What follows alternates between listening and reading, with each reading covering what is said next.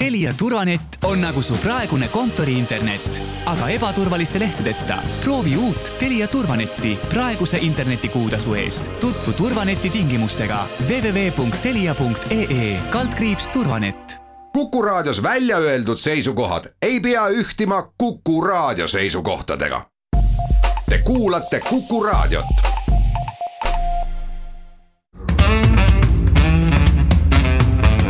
Muuli ja Riikoja.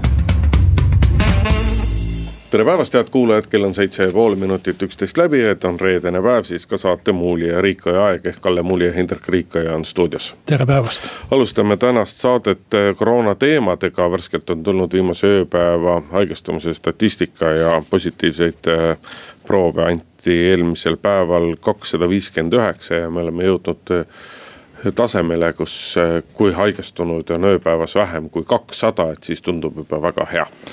noh jah, kuidas need tunded on, äh, teiseks äh, koalitsiooninõukogu või valitsusliit või töörühm siis on jõudnud kokkuleppele.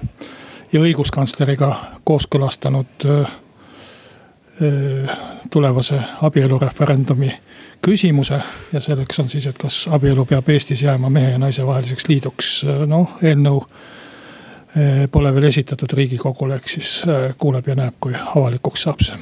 paljude ootajate vaev tasus ennast selle nädala alguses ära, esmaspäeval teatas siseminister Mart Helme, et ta astub ametist tagasi, sest et äh, pühapäevases ühes enda raadiosaates oli ta järjekordselt lihtsalt valimatult halvustanud, sõimanud ja tihtipeale ka valetanud inimestele. teemaks olid siis Ühendriikide presidendivalimised ja, ja ka Eesti e-valimised, mis see teine teema on küll jäänud kahjuks nii-öelda tahaplaanile. ja tänaseks on siis teada, et väga suure tõenäosusega saab uueks siseministriks endine kaitseväelane Alar Laneman kui sa räägid, siis võtame jutuks äh, Rahvusringhäälingu seaduse. Äh, Kalle Grünthal EKRE-st on siis täitnud Indreku unistuse, mis ta siin mõni saade tagasi äh, rääkis, et tuleks hakata avama ja arutama Rahvusringhäälingu seadust ja nüüd on siis. kahju, et ainult nõu ei küsinud, mida sinna eelnõusse kirjutada, oleks talle head nõu andnud. aga ettepanek eelnõu näol on esitatud ja kõik riigikogu liikmed ja paljud teisedki saavad äh, oma ettepanekuid teha selle parandamiseks.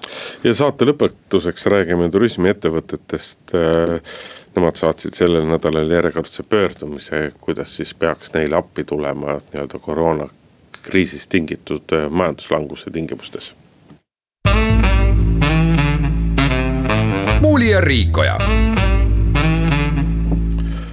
nagu päris saate alguses sai öelda, viimasel ööpäeval on diagnoositud äh, kakssada viiskümmend üheksa uut äh, koroonaviiruse juhtumit ja nii-öelda koroonapandeemia ajaloo nii-öelda tipp nii-öelda tipptulemus äh, saavutati eile, kui siis haigestumusi, haigestunuid diagnoositi kokku kolmsada seitsekümmend neli, nii suur ei ole nende arv. ei olnud ka kevadise esimese laine ajal ja noh, numbrid on küll suured, aga kui meie Euroopa võitluskaaslastega võrrelda, siis noh, Euroopas me näeme ikkagi, näeme tuhandetesse küündivaid numbreid ka, ka siin Lätis, Leedus. et Euroopa taustal oleme me ikkagi jätkuvalt väga heas, väga heas näitaja, väga heas seisus. meie neljateist päeva haigestumus saja tuhande inimese kohta on siis sada seitsekümmend kaheksa koma koma seitse, aga numbrid on selgelt tõusuteel ja valitsus otsustas sellel nädalal ka uuesti sisse viia kaks pluss kaks reegli ja on vist siis nii-öelda juriidiliselt täpne öelda, et äh, avalikes siseruumides, kauplustes, äh, meelelahutuskohtades on antud range soovitus kanda maski.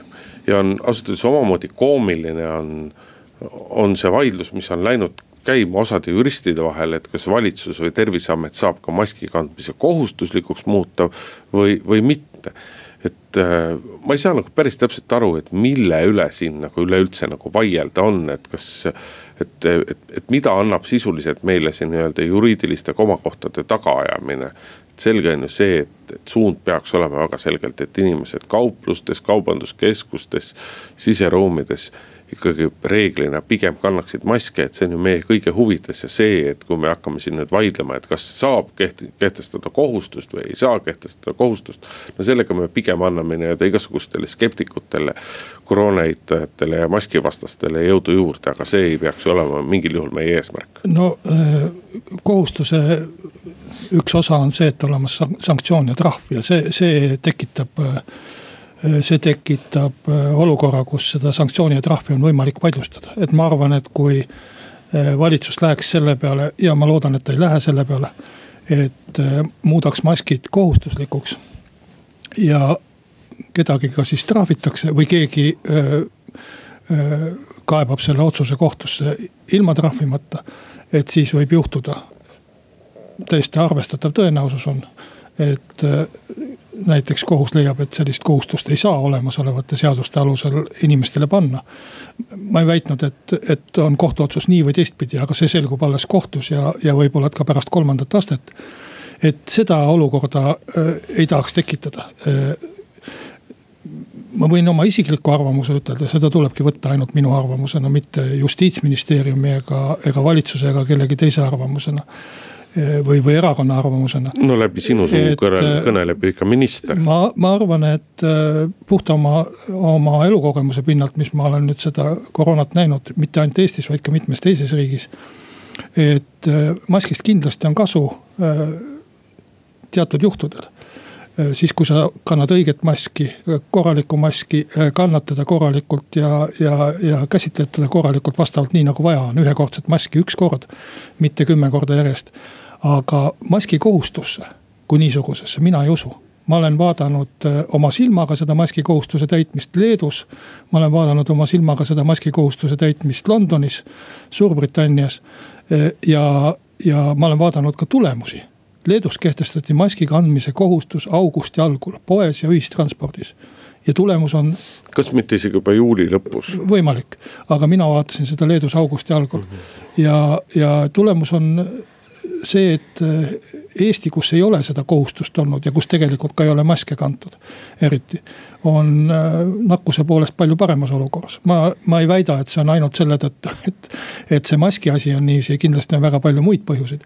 Äh, Suurbritannias täpselt samamoodi, maskikohustus kehtestati juba ammuilma ja, ja suurt kasu sellest ei ole, kui vaadata. kui ranged maskikohustused on Belgias või Luksemburgis või mõnes teises Lääne-Euroopa riigis, kus sisuliselt äh, toa ukse lävepaku peal pead maski ette panema. vastasel korral sulle ka reaalselt tehakse trahvi. Äh, ja, ja suhteliselt suure trahve ja kus inimesed kannavadki tegelikult selle kohustuse tõttu midagi näo ees, mida võib siis maskiks nimetada. Äh, et see ei ole aidanud, nende nakatumisnäitajad on palju suuremad kui, kui väljaspool. mina usun sellesse, et kui inimene kannab mõistusega õiget maski ja, ja, ja ise omal vabal tahtel, siis sellel on palju suurem mõju ja siis ta on ka ettevaatlikum. kui sellele, et riik kehtestab kohustuse, mida väga paljud täidavad lihtsalt formaalselt ja, ja linnukese pärast no see maski kandmise kohustus on, on muidugi üks detail, et tänasel hetkel väga selge, väga selgelt ikkagi tuleb valitsuse tasandil mõelda ka sellele, mida me teeme erinevate üritustega siseruumides, kontserdid, teatrid ja nii edasi. noh, jah, ütleme, et sellist nii-öelda puhtalt nii-öelda teatrist kontserdist meil ei ole mingisuguseid koldeid praegu tekkinud, aga nii-öelda ööklubidest on, on need kolded tekkinud küll, et et eks kõike seda nii-öelda tuleb riigil täiendavalt vaadata ja kaaluda, mis piiranguid siin oleks veel vaja ma saan aru küll, et praegu nii-öelda valitsuses pigem valitseb hoiak, et kui numbrid kuidagi nagu pöördeliselt veel jõudsamalt kasvama ei hakka. siis on paslik vaadata, kuidas need nüüd kehtestatud uued nõuded nii-öelda paari-kolme nädala jooksul mõjuvad ja siis edasi otsustada, mida, mida järgmiseks teha, aga, aga noh, mingisuguseid piiranguid tõenäoliselt meil ikkagi on vaja veel teha, aga, aga noh, ma loodan, et sellisel viisil nii-öelda lukku Eesti riiki panema ei hakata ja seda plaani valitsusel ka ei ole. jah, noh, kui vähegi võimalik. riigi ülesanne on riik ei saa hoida üksikisikut nakatumise eest, kui inimene ikka tahab nakatada ja ise rumalalt käitub, siis ei ole võimalik valitsusel seda takistada. riigi ülesanne on hoida oma tervishoiusüsteem töövõimelisena, selleks, et meil haiglas oleks kohti, et meil oleks hingamisaparaate ja me saaksime inimesi ravida, neid, kes on, vajavad ravi aga inimesed peavad iseennast hoidma, et nende tervise eest ei, ei saa keegi peaminister tulla vastutama. ja minu soovitus on küll see, et et kui vähegi võimalik, ärge üldse mingegi sellistesse kohtadesse, kus on äh, nii-öelda kohustus või, või range soovitus maske kanda, et püüdke nendest kohtadest hoiduda. kaks pluss kaks, mis meil oli kevadel. Äh, ja kevadel meil ei olnud maskikohustust ja nakkuse piirang oli suhteliselt väike, küll ilmselt seetõttu, et äh, suur osa riigist oli lukus et kaks pluss kaks äh, on kindlasti tõhusam kui mask selles mõttes, et üle kahe meetri uuringute kohaselt see viirus ei, ei levi või levib väga harukordsetel juhtudel teatud äh, spetsiifilistel tingimustel. nii et äh, hoidkem seda vahet, ka poes saab käia ju sellistel aegadel, kus seal ei ole päris tipptunni trügimist. inimesed ei tohi unustada, et isegi kui meil lähevad need haigestumise numbrid nüüd natukene väiksemaks, lähevad all, esmalt alla kahesaja, siis võib-olla isegi alla saja, millest viimanegi on suhteliselt ebatõenäoline ikkagi lähema talve jooksul. siis me peame vähemasti kevadeni hakkama saada, hakkama saama, et suure tõenäosusega on oodata aasta lõpus, uue alguses ikkagi, et tulevad esimesed vaktsiinid turule. aga ilmselgelt kõigepealt äh, kui kiiresti, punkt üks, kui kiiresti Eesti kätte saab vaktsiini ja punkt kaks, no kindlasti selgelt kõigepealt vaktsineeritakse tervishoiutöötaja, töötajaid, nii-öelda eesliini inimesed, et et tavainimeseni vaktsiini ennem teist poolaastat kindlasti ei jõua, et selles mõttes me, me peame selle kõigega elama. muuli ja Riikoja jätkame saadet Indrek Riiko ja Kalle Muuli stuudios. no ametlikult pole vist äh, veel välja hõigatud ja eelnõud ei ole riigikogule üle antud. Äh, aga äh, teada on siis küsimus, mis abielureferendumile läheb selle eelnõuga või vähemalt, mis riigikogule esitatakse arutamiseks. eks riigikogu siis kinnitab, mida ta tahab. kas abielu peab Eestis jääma mehe ja naisevaheliseks liiduks. teeme referendumi siis ruttu koha peal ära ja sinu vastus sellele küsimusele oleks? ära nüüd hakka keerutama, ütle, mis su seisukoht on. võimalik, et ma ei lähegi üldse referendumile. no see ei oleks väga rumal tegu, eks ole, aga noh, üldse, et minu teada sa oled vastutustundlik kodanik, et sa ei, ei jäta nii-öelda. iga, igal inimesel on alati kolm valikut ja, ja riigikogu liikmel muide on ka kolm valikut, kas roheline, punane või jätta hääletamata. oota, aga mis see sinu valik on? Tõenäoliselt ma ei lähe hääletama. Noh, jah, no vot näed, sellised, sellised need poliitikud siis on, eks ole, kaitsed, kaitsed, kaitsed, räägid siin meie tegelikult, tegelikult ma, kui ma ausalt ütlen sulle, siis äh, mina niiviisi ette otsuseid ei tee, ma pean nägema seaduseelnõu selet- või otsuse eelnõu seletuskirja. ma pean nägema lõplikult formuleeritud küsimust, ma pean teadma äh, mis on ühe ja teise poole argumendid. niiviisi ma ei tee kunagi otsuseid, et, et ma ei tea isegi äh,, ei, ei ole isegi kampaaniat olnud ja mul on otsus juba selge. sellest jutust ma saan aru selles osas, kui sa ütled, et sa ei tea nagu täpset küsimust, aga, aga olemuslikult noh, ma usun, et sul. et sul tegelikult on oma väga selge seisukoht selles küsimuses olemas, sa lihtsalt ei julge või ei taha seda nagu välja öelda. no eks ta aeg näitab, vot meil on muidugi tänasel hetkel see suur küsimus, et kas ja millal see referendum üleüldse toimub, et ühest küljest nagu me siin vahepeal ka rääkisimegi, sina pelgad seda, kuidas sotsid hakkavad pidurdama, hakkavad tuhandeid, kümneid tuhandeid või miljoneid parandusettepanekuid esitama. no eks nad seda teevad ka, aga tõenäoliselt lihtsalt mingi hetk nii-öelda mingi asi junditakse, aeg junditakse ja siis nii-öelda loobutakse sellest, sellest asjast. suurem küsimus on see, et millal see refer-, referendum nagu tehnilistel põhjustel mida seal, millal seda korraldada saab, sest et noh, järjekordne näide sellest, kuidas. kuidas pea ei tea, mida ta üks või teine käsi teeb, et lepiti küll kokku, et kevadel tuleb, aga meil ei ole tehnilist valmisolekut tulenevalt uue. Indrek, selle asjaga on küll lihtne seda, millal rahvahääletus tuleb, selle ütleb riigikogu, seda ei ütle ametnikud. ja ametnike asi on see läbi viia. ja, ja nii ongi selle asjaga. seda küll, aga vaata aga.... kui muud ei saa aga..., siis võtavad oma selle hääletuskasti kaela ja käivad kõik Eesti inimesed üle. ja kui ei saa hakkama, siis tulevad uued ametnikud ja teevad selle asja ära. ei, mulle põhimõtteliselt selline suhtumine muidugi meeldib, eks ole, et on valged inimesed ja on neegrid ja neegrid ei pea ei, kobisema, eks ole, on neil õigus või mitte. Nende on... asi on ikkagi tööd teha, sütt kühveldada korraldada ja kõike seda visata. ma arvan, et ka riigikogu teeb oma tööd, kui ta otsustab, millal rahvahääletus on. ei noh, ongi, ega valgel inimesel on omad tööd ja neegritel on omad aga... tööd, et selles mõttes, Kalle, ma olen sinuga täiesti nõus. valimiskomisjoni ülesanne on tagada äh, rahvahääletuste ja valimiste läbiviimine siis, kui riigikogu seda otsustab ja see ongi nende töö jah, aga riigikogu ja poliitikud võiks nii-öelda nagu mõelda, et kui nad on teinud mingisuguseid otsuseid, et siis ka nende järgmised otsused käiksid nendega ühte, käiksid ühte keegi sammu. keegi ei ole käskinud valimiskomisjonil tekitada olukorda, kus Eestis ei ole võimalik hääletusi läbi viia. see on tõesti inetu lugu, et valimiskomisjon jälgib sest, seadust ja üritab enda nii-öelda protseduure ja kõike kooskõlla viia. Neil on õigeks ajaks tegemata see asi, aga, aga võib, võivad tulla ka erakorralised valimised ja põhiseadus ütleb, et erakorralised valimised tuleb läbi viia kahekümne kuni neljakümne päeva jooksul. ja see valmisolek peab olema valimiskomisjonil. ei, Kalle, see on sinust tõesti ilus nii-öelda mustvalge lähenemine, see mulle väga nagu, see mulle väga meeldib, et ikkagi on valged inimesed ja siis on, ja siis on need mustatöölised ja ühed ärgu kobisegu, teised võivad teha suvalistel no, mis must töö siis see valimiste taha. korraldamine sinu meelest on? ega valimiste korraldamine ei olegi must töö, aga vali, aga valimiskomisjoni, millele nad viidanud on, eks ole, et käimas on siin, kuna hakkavad kehtima nii-öelda, hakkab kehtima uus reeglistik, mis on ette kirjutatud riigikogu poolt, et siis selleks tuleb viia erinevad süsteemid nii-öelda valmisolekusse. ja kõik see võtab paratamatut aega, et see on noh, see on nagu puhas demagoogia, Kalle, mis sa räägid, et valimiskomisjon ei ole oma tööga hakkama saanud, on oma asjadega hiljaks jäänud, et aira taha. Indrek, see, et esimesel jaanuaril hakkab kehtima uus seadus, on teada juba kaks aastat tagasi võeti vastu see seadus. ja selleks ajaks oleks võinud ka nagu asja korda sättida, mitte tekitada sellist olukorda, kus viis kuud ei ole nagu võimalik äh, hääletusi läbi viia. ei nojah, aga see, sa tead ju sama hästi ka, et kuidas on eraldatud riigikogu poolt raha selle jaoks, et saaks asju korda teha ja nii edasi, et noh, et me võimegi sellel teemal vaidlema jääda. minu arust on positiivne see, et kui meil nii-öelda kui meil selles küsimuses nii-öelda jah-pool on, on siiamaani nagu väga selge olnud, et.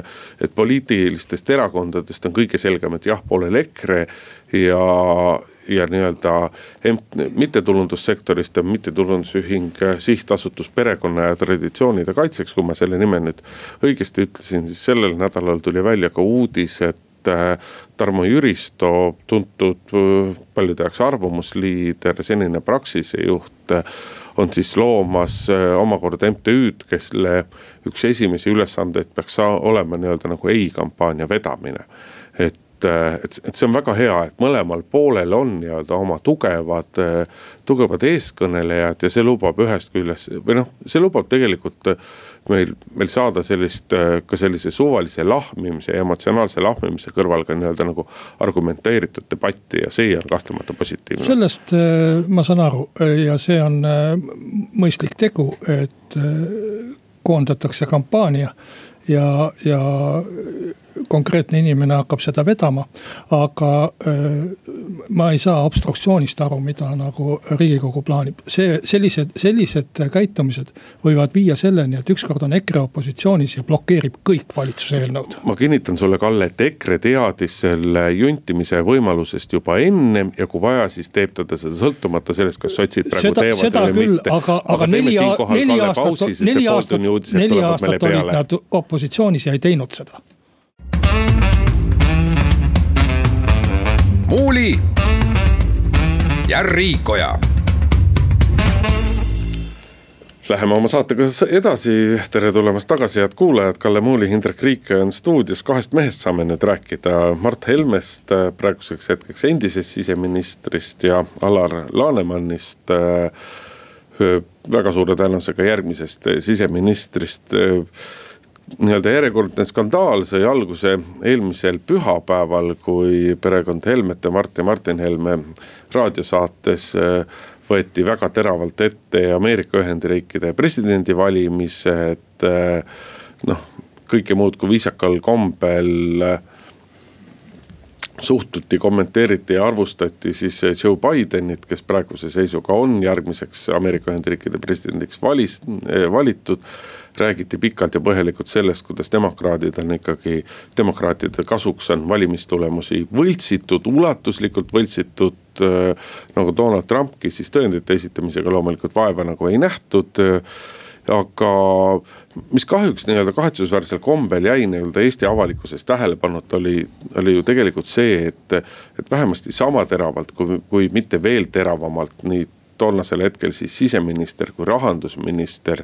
ja Euroopa Parlamendi saadik Jaak Madisson kritiseerisid ka tegelikult ju Eesti valimisi ja nimetasid otsesõnu äh, meil toimuvad e-valimisi võltsimiseks. väitsid, et Reformierakond on valimisvõidu saanud ikkagi ainult läbi võltsimiste, räägiti sellest, kuidas on on äh, nii-öelda loetud arv või käputäis ametnikke, kes suudavad kontrollida e-valimisi, kuidas nad on kandnud äh, nii-öelda fiktiivselt valijateks surnud inimesi. On nii-öelda fiktiivselt pannud äh,, hääletanud nende inimeste eest, kes ei ole kunagi valimas käinud. ehk üritati kõigiti oma kuulajaid veenda selles, et ka Eesti äh, Eesti valimistulemused just nimelt e-valimistes on järjekord, äh, järjekindlalt nagu võltsitud tulemused ja seetõttu tegelikult oleks ju loogiline järeldada, et. et valimistulemusi ei kehti, ka see väga arvestatav hulk hääli e, e-hääli, mida EKRE sai, justkui ei peaks nagu kehtima ja kõik see päädis siis äh, paljude jaoks esmaspäeval Mart Helme ootamatu avaldusega, et ta asub siseministri koha pealt tagasi ta rääkis loomulikult sellest, kuidas tema ei ole mitte midagi valesti teinud. ja valdavalt on ikkagi süüdi isegi mitte nii väga poliitilised vastased, vaid ikkagi ajakirjandus. noh, äh, ma poleks uskunud, et äh, USA valimised Eestis äh, sellist, selliseid kirgi tekitavad ja, ja sellist, sellist vastukaja leiavad suisa muudatuste muudatusteni valitsuse koosseisus. aga tead sa, Kalle, miks see tegelikult nii on või? tegelikult on sellel nagu väga selge, siin on nii-öelda viimase poole aasta jooksul on ka mõned kirjatükid sellel teemal äh, avaldatud, et miks läheb Donald Trumpi saatus ja seeläbi Ameerika Ühendriikide valimised äh, nii väga korda just sellistele nii-öelda äh, selgelt populistlikele poliitikutele, nagu meil seda EKRE, EKRE esindajad on ja see põhjus on see, et, et Donald Trumpi ajal on nii-öelda justkui maailmas äh, on, on, on muutunud võimalikuks ja teatud mõttes nagu normaalseks selline selline poliitiline kultuur, kus lihtsalt, kus tõesti külma kõhuga valetatakse, ei räägita asjast, eksitatakse inimesi. Nimetatakse kõiki, kes mingil põhjusel ei meeldi, küll libauudiste tootjateks, küll valetajateks, küll ma ei tea, kelleks iganes. aga olukorras, kus Donald Trump Ameerika Ühendriikide presidendina ei jätka. see võtab ära nii-öelda sellist, sedalaadi poliitika harrastajatelt ühe sellise suure eeskõneleja. ja neil muutub oma e senise retoorika ja kõige kasutamine palju keerulisemaks ja, ja sealt on tingitud ka see väga valuline reaktsioon sellele. ilmselt, aga ma siiski ütleksin, et Donald Trump on tagajärg, mitte põhjus. seda ma, selle vastu ma üldse ei vaidle. EKRE-gi sündis ikka enne, kui Donald Trump äh, sai uue USA presidendiks ja, ja. ja samamoodi Donald Trump sündis samamoodi nii nagu EKRE sündis siin meie seniste juhtivate, juhtivate poliitjõudude töö tulemusena sündis Donald Trump Ameerika Ühendriikide elukutseliste poliitikategijate töö tulemusena. seoses Trumpiga tahaks mainida, kindlasti ta on olnud EKRE-le suur eeskuju ka puht propaganda tehnilises mõttes, et pikka aega sai ju jälgida, kui, kui täpselt isegi EKRE kõiki neid võtteid kasutas, mis Trumpi meeskond oli välja töötanud. aga, aga küll ma tahaksin ütelda, et, et ega siis mitte ainult äh, Joe Biden ei, ei, ei vääri viisakat suhtumist. ka äh, praegune Ameerika Ühendriikide president Donald Trump äh, väärib oma NATO liitlaste poolt viisakat suhtlemist ja. ja ega ma ei kiida heaks ka seda, kui, kui Trumpi kohta väga ebaviisakaid väljendeid kasutatakse, mida on meie poliitikute suust ju tulnud, et. Äh, ma ei hakka siin nimepidi üles lugema ja tsitaati pidi üles lugema, aga. no vaata, see on jah teine probleem, et kui me vaatame sellel nädalalgi väga erinevate inimeste, vähem või rohkem poliitikaga seotud inimeste inimeste väljaütlemisi, siis tegelikult ega nii-öelda pada sõimab katelt, et, et heidetakse ühest küljest Mart Helmele, Martin Helmele ette sõnakasutust, väljaütlemist ja täiesti õigustatult heidetakse neid ette. aga nendes samades etteheidete tegemise käigus kasutatakse tegelikult sisuliselt nii-öelda samaväärseid väljendeid, samaväärset sõnakasutust.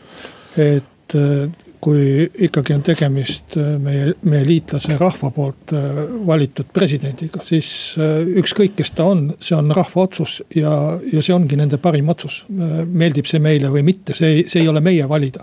ja, ja see on, see on demokraatia paratamatus, et me peame leppima ka siis, kui meile isiklikult mõni äh, inimene, asi või seadus ei meeldi, aga kui see on rahva poolt heaks kiidetud, siis nii on ja, ja veel teise rahva poolt, aga see selleks, ma arvan, et äh, Mart Helme tagasiastumine selles olukorras oli esiteks mõistlik ja mitte ainult mõistlik, vaid äh, tegelikult kui järele mõtlema hakata, siis vist ka ainuvõimalik, sellepärast et, et kui ta ei oleks läinud üksi siis ta oleks ilmselt läinud koos valitsusega. jah, kuigi paljud poliitikud ei ole tahtnud seda tunnistada ja, ja eeskätt ei ole EKRE seda tahtnud tunnistada, siis koalitsioonipartnerid ikkagi edastasid väga selge sõnumi EKRE-le, et rohkem nagunii ei saa. jah, ma ei tea, mida Mailis Reps rääkis, kui ta käis EKRE fraktsioonis ja. no ma rõhutangi seda, et edastasid selge sõnumi, mis ei tähenda tingimata, tingimata sõna-sõnalt ütlemist. aga ma arvan, et eks Mart Helme jõudis ka, seal ei olnud nii keeruline see olukord, et poleks olnud võimalik aru saada, millised on valikud ja millised on võimalused nii et, et tegi, tegi õige otsuse. Alar Lanemanist võiks Oot, ju ka paari sõnaga ja, rääkida. aga oota, ennem tahaks siiski rääkida, et koalitsioon, koalitsioon, kes tahtis igat, kes tahtis iga hinna eest umbusaldada, plaanis oli Mart Helme umbusaldamine. see oli küll opositsioon, kes tahtis, koalitsioon väga ei pingutanud selle nimel, ütleme nii. Eh, vastupidi, koalitsioon ka väga pingutas, eh, aga pisut teistmoodi, aga jah, taheti kangesti Mart Helmet umbusaldada, seda võimalust ei olnud, siis mängiti see ruttu ümber Martin Helme umbusaldamiseks ja Martin Helme umbusaldamine oli selles mõttes märgiline, märgiline sellepärast, et eh, koalitsioonisaadikud ei hääletanud siiamaani on kõikide umbusaldust, umbusaldamiste osas nii-öelda on koalitsiooni saadikud olnud äh, umbusaldatava poolt. Seekord oma häält ei antud ja ja häält ei antud ilmselgelt seetõttu, et nii Keskerakond kui Isamaa said aru, et nad ei suuda tagada, et kõik nende saadikud selle poolt hääle annavad no,. Koalitsioon... ja see on, ja see on koalitsioonile väga halb märk ja see on EKRE-le väga halb märk. seda on ju enne ka olnud, et kõik koalitsioonisaadikud ei hääleta ühtselt ja, ja see oli, seda oli ka eelmise taevas teab, kelle umbusaldamise korral ja, ja. no seda, et Viktoria Ladõnskaja, eks ole, vastu hääleb, see aga, see on teada, aga, aga nii-öelda mälet... tema häälega selles olukorras nagunii ei arvesta koalitsioon. Isamaa saadikute seas on olnud eh, enne ka, kes on jätnud hääletamata. Eh, aga ma arvan, et eh, eks koalitsioon väljendas selle hääletamata jätmisega, seda muide on üheksakümnendatel praktiseeriti seda. et koalitsioon läks usaldushääletuse ajal lihtsalt saalist välja ja, ja väljendas sellega oma suhtumist, et eks äh, koalitsioon tahtis. aga no vaata, siin on oluline rõhutada, et mitte oma suhtumist opositsiooni algatatud umbusalduse, umbusalduse hääletusse. mitte arvan... suhtumist sellesse, vaid ikkagi suhtumist sellesse ministrisse, keda umbusaldatakse. ma arvan, et nad väljendasid seal ka kahte muud asja, nad väljendasid esiteks seda, et opositsioon on ühtne sest ka EKRE jättis hääletamata. Ja see. koalitsioon on ühtne. või vabandust, jah, koalitsioon on ühtne, EKRE, EKRE jättis hääletamata. vaevalt küll, et neil oleks olnud eh, raskusi oma häälte kooshoidmisega eh, et, et oleks seal hajunud või keegi oleks teistmoodi hääletanud. Ja, ja teine, ma arvan, et koalitsioonil oli ka noh, lihtsalt kõrini sellest äh, poliitilisest mängulusest. et vahetame lihtsalt keset päeva umbusaldatava nime avalduse peale ära. isegi mitte nime, vaid kaks tähte. Mart, Mardi asemel Martin. Ja, ja siis esitame sellesama umbusaldusavalduse hoopis teise inimese vastu. no see on muidugi tõsi kahtlemata jah. sisuliselt on, on ikkagi need umbusaldusavaldused sellisel kombel ennast diskrediteerinud. üks opositsiooni käsutuses olev tõsine relv on muudut-, muudetud selliseks palagani instrumendiks. ja, ja minu meelest see parlamendile head ei tee. aga me pidime ruttu rääkima pisut ka nii-öelda uuest tulevasest äh, siseministrist. Äh, Alar Lanemannist, noh, mida temast arvata, tegemist on endise kõrge kaitseväelasega, kes mäletatavasti küll lahkus nii-öelda sellise väikse väikse skandaali varjus kaitseväest, nimelt hakkas kaitseväe peastaabis ringlema üks kunagine, kas siis kaheksakümne kolmanda aasta ajakirja Pioneer pioneerartikkel, kus siis kunagine nii-öelda sõjakooli kursant Alar Laneman rääkis sellest, kuidas ta kohe võetakse vastu partei kandidaadiks, kui palju on tal häid ideid ja kuidas ta kõike seda ootab. selle peale algatati kas siis kahe tuhande kuuendal või kahe tuhande seitsmendal aastal, kui see vana artikkel peastaabis ringi ringitiirles algatati sisejuurdlus ja, ja ja selle algatamine sai lõpuks Alar Lanemannile saatuslikuks samas ikkagi suur osa kaitseväelastest jätkuvalt noh, nad, nad väga jämedalt võttes peavad äh, Alar Lanemannist lugu, sellepärast et ta ikkagi nii-öelda kaitseasjandust enam-vähem tunneb ja ei ole. ja ei ole kunagi välja paistnud nii-öelda nii äh, vankumatu, nii vankumatu oma seisukohtade kaitsja nagu mõni teine kõrge kaitseväelane, kes on läinud ka poliitikasse. teised muidugi jälle rõhutavad sellest, et äh, aukaar, aukraadilt kindral alati rõhutab ja peab ennast üleval, nii nagu ta on kindral, erinevalt mõnest teisest, kes eelkõige lähtub võib-olla teemade sisust, mitte iseenda aukraadist. jah, ei oska nüüd ennustada, kuidas Alar Lanemanil sealt siseministrina minema, minema hakkab, aga ma arvan, et iseenesest arvestades EKRE vinke ja, ja pinki ja, ja kõike muud, mis on, on üldse võimalike valikute hulgas, et ma arvan, et see on päris hea valik äh, kindlasti, kindlasti parema otsa valik kui, kui halvema otsa valik ja, ja.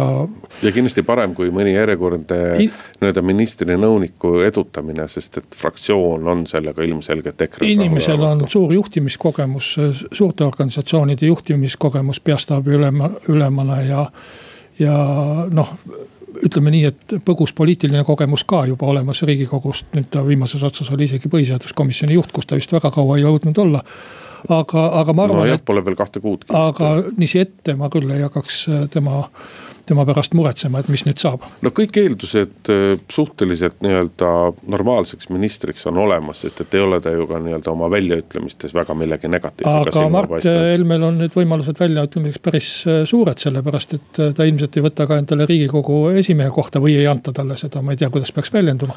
no pigem ikkagi aga, ei anta, et ta võib ju tahta, aga, aga läheb muidu nii nagu läks presidendi valimistega. Taha ka, aga tavaline riigikogu liige võib praktiliselt rääkida, mida sülg suhu, suhu toob või mida valijad siis üle elavad, eks. aga ta võib ka alati rääkimata jätta, teeme meie siinkohal väikese pausi. muuli ja Riikoja. jätkame saadet, räägime viimase teemana siis Rahvusringhäälingu seadusest, mille kohta on siis EKRE liige Kalle Grünthal esitanud terve rea muudatusettepanekuid või soove. ja mida siis kultuurikomisjon põhiliselt menetleb.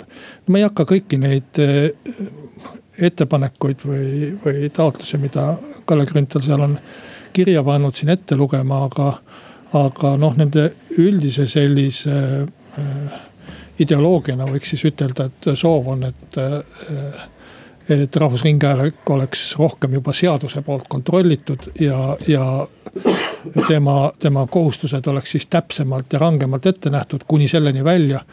noh, mis võib-olla kõige rohkem elevust tekitab, et, et valitsus peaks kinnitama nimekirja sündmustest ma arvan, et nii see vist oli umbes sõnastatud, mida äh, Rahvusringhääling on siis kohustatud igal juhul kajastama. igal juhul kajastama ja igakülgselt kajastama, mis väga oluline ja ikkagi stopperiga aega mõõtma ja. sa küll üritasid jah siin veeta nagu Kalle Grünthal oleks saanud innustust minu minu sõnadest, et Rahvusringhäälingu seadust tuleks muuta ja, ja, ja ma olen jätkuvalt seda meelt, et, et on aeg Rahvusringhäälingu seaduse muutmiseks. on, rahvusring... on vale aeg, rahvus... sa unustasid ühe sõna ära, on täiesti vale aeg Rahvusringhäälingu seaduse muutmiseks. ütleme, et õiget aega ei ole kunagi, aga see peab puudutama eelkõige nii-öelda Rahvusringhäälingu ülesannete ja Rahvusringhäälingu eesmärkide ümbervaatamist. aga seda ei saa teha poliitikud, vaid selle jaoks tuleb leida nii-öelda vajalikud spetsialistid, eksperdid eksperdid ja siis peavad poliitikud usaldama neid eksperte. ja tegema nii, nagu need eksperdid ette annavad, sest et ega ka sellest eelnõust paistab ilm, noh, kõige.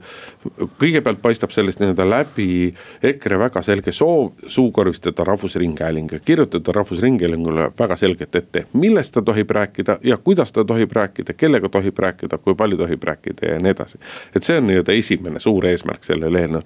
ja teine asi, mis sellest eelnõust väga, väga hästi välja paistab, on see, et eelnõu autoril või autoritel, ma ei ole sugugi kindel, et Kalle Grünthal nüüd üksinda selle, selle eelnõu valmis on kirjutanud, aga mul ei ole ka nii-öelda ühtegi tõestust vastupidiseks et see inimene või need inimesed ei tea mitte midagi sellest, kuidas toimub Rahvusringhääling. kuidas toimub meedia, millistest põhimõtetest tehakse seda tööd ja nii edasi, nii edasi, ehk noh, täielik valdkonna asjatundmatus noh, see on tegelikult iseenesest tore ja mulle meeldib selline lähenemine, et kõigepealt me võtame vastu põhiseaduse. kus ütleme, et riiki peavad juhtima demokraatlikult valitud poliitikud ja siis ütlema, et seadusi peavad tegelikult tegema eksperdid, mitte poliitikud. Et see on selline. ei, nüüd sa, sa aga... lubamatult väänad minu sõna, mina rääkisin, mina rääkisin sulle sellest. loomulikult seaduse peavad, seaduse lõpuks nii-öelda peavad kinnitama poliitikud ja, ja, ja see on aga, see seaduse tegemine. aga nad ei tohi mitte midagi seal muud teha, kui eksperdid on öelnud. aga, aga nii-öelda eksperdid selle sisu, aga sellisel puhul nagu Rahvusringhäälingu sisu, aga, aga. nii sa, nii sa võid ju ütelda iga seaduse kohta. ei noh, päris iga seaduse kohta ei ole, aga, aga noh, aga ega ei maksa unustada, et kõikide seaduseelnõude puhul tuleb nii-öelda läbi viia need kooskõlastusringid. huvigruppidega suhtlemised ja kõik, et ega see pole ilmaasjata välja mõeldud ja see ongi suuresti välja mõeldud selle jaoks, et need poliitikud lihtsalt ei tunne seda valdkonda, mida nad reguleerivad ja ja, aga, ja Rahvusringhääl on, Ringhääling on selles mõttes natuke nagu teistsugune organisatsioon kui keskmine riigiasutus.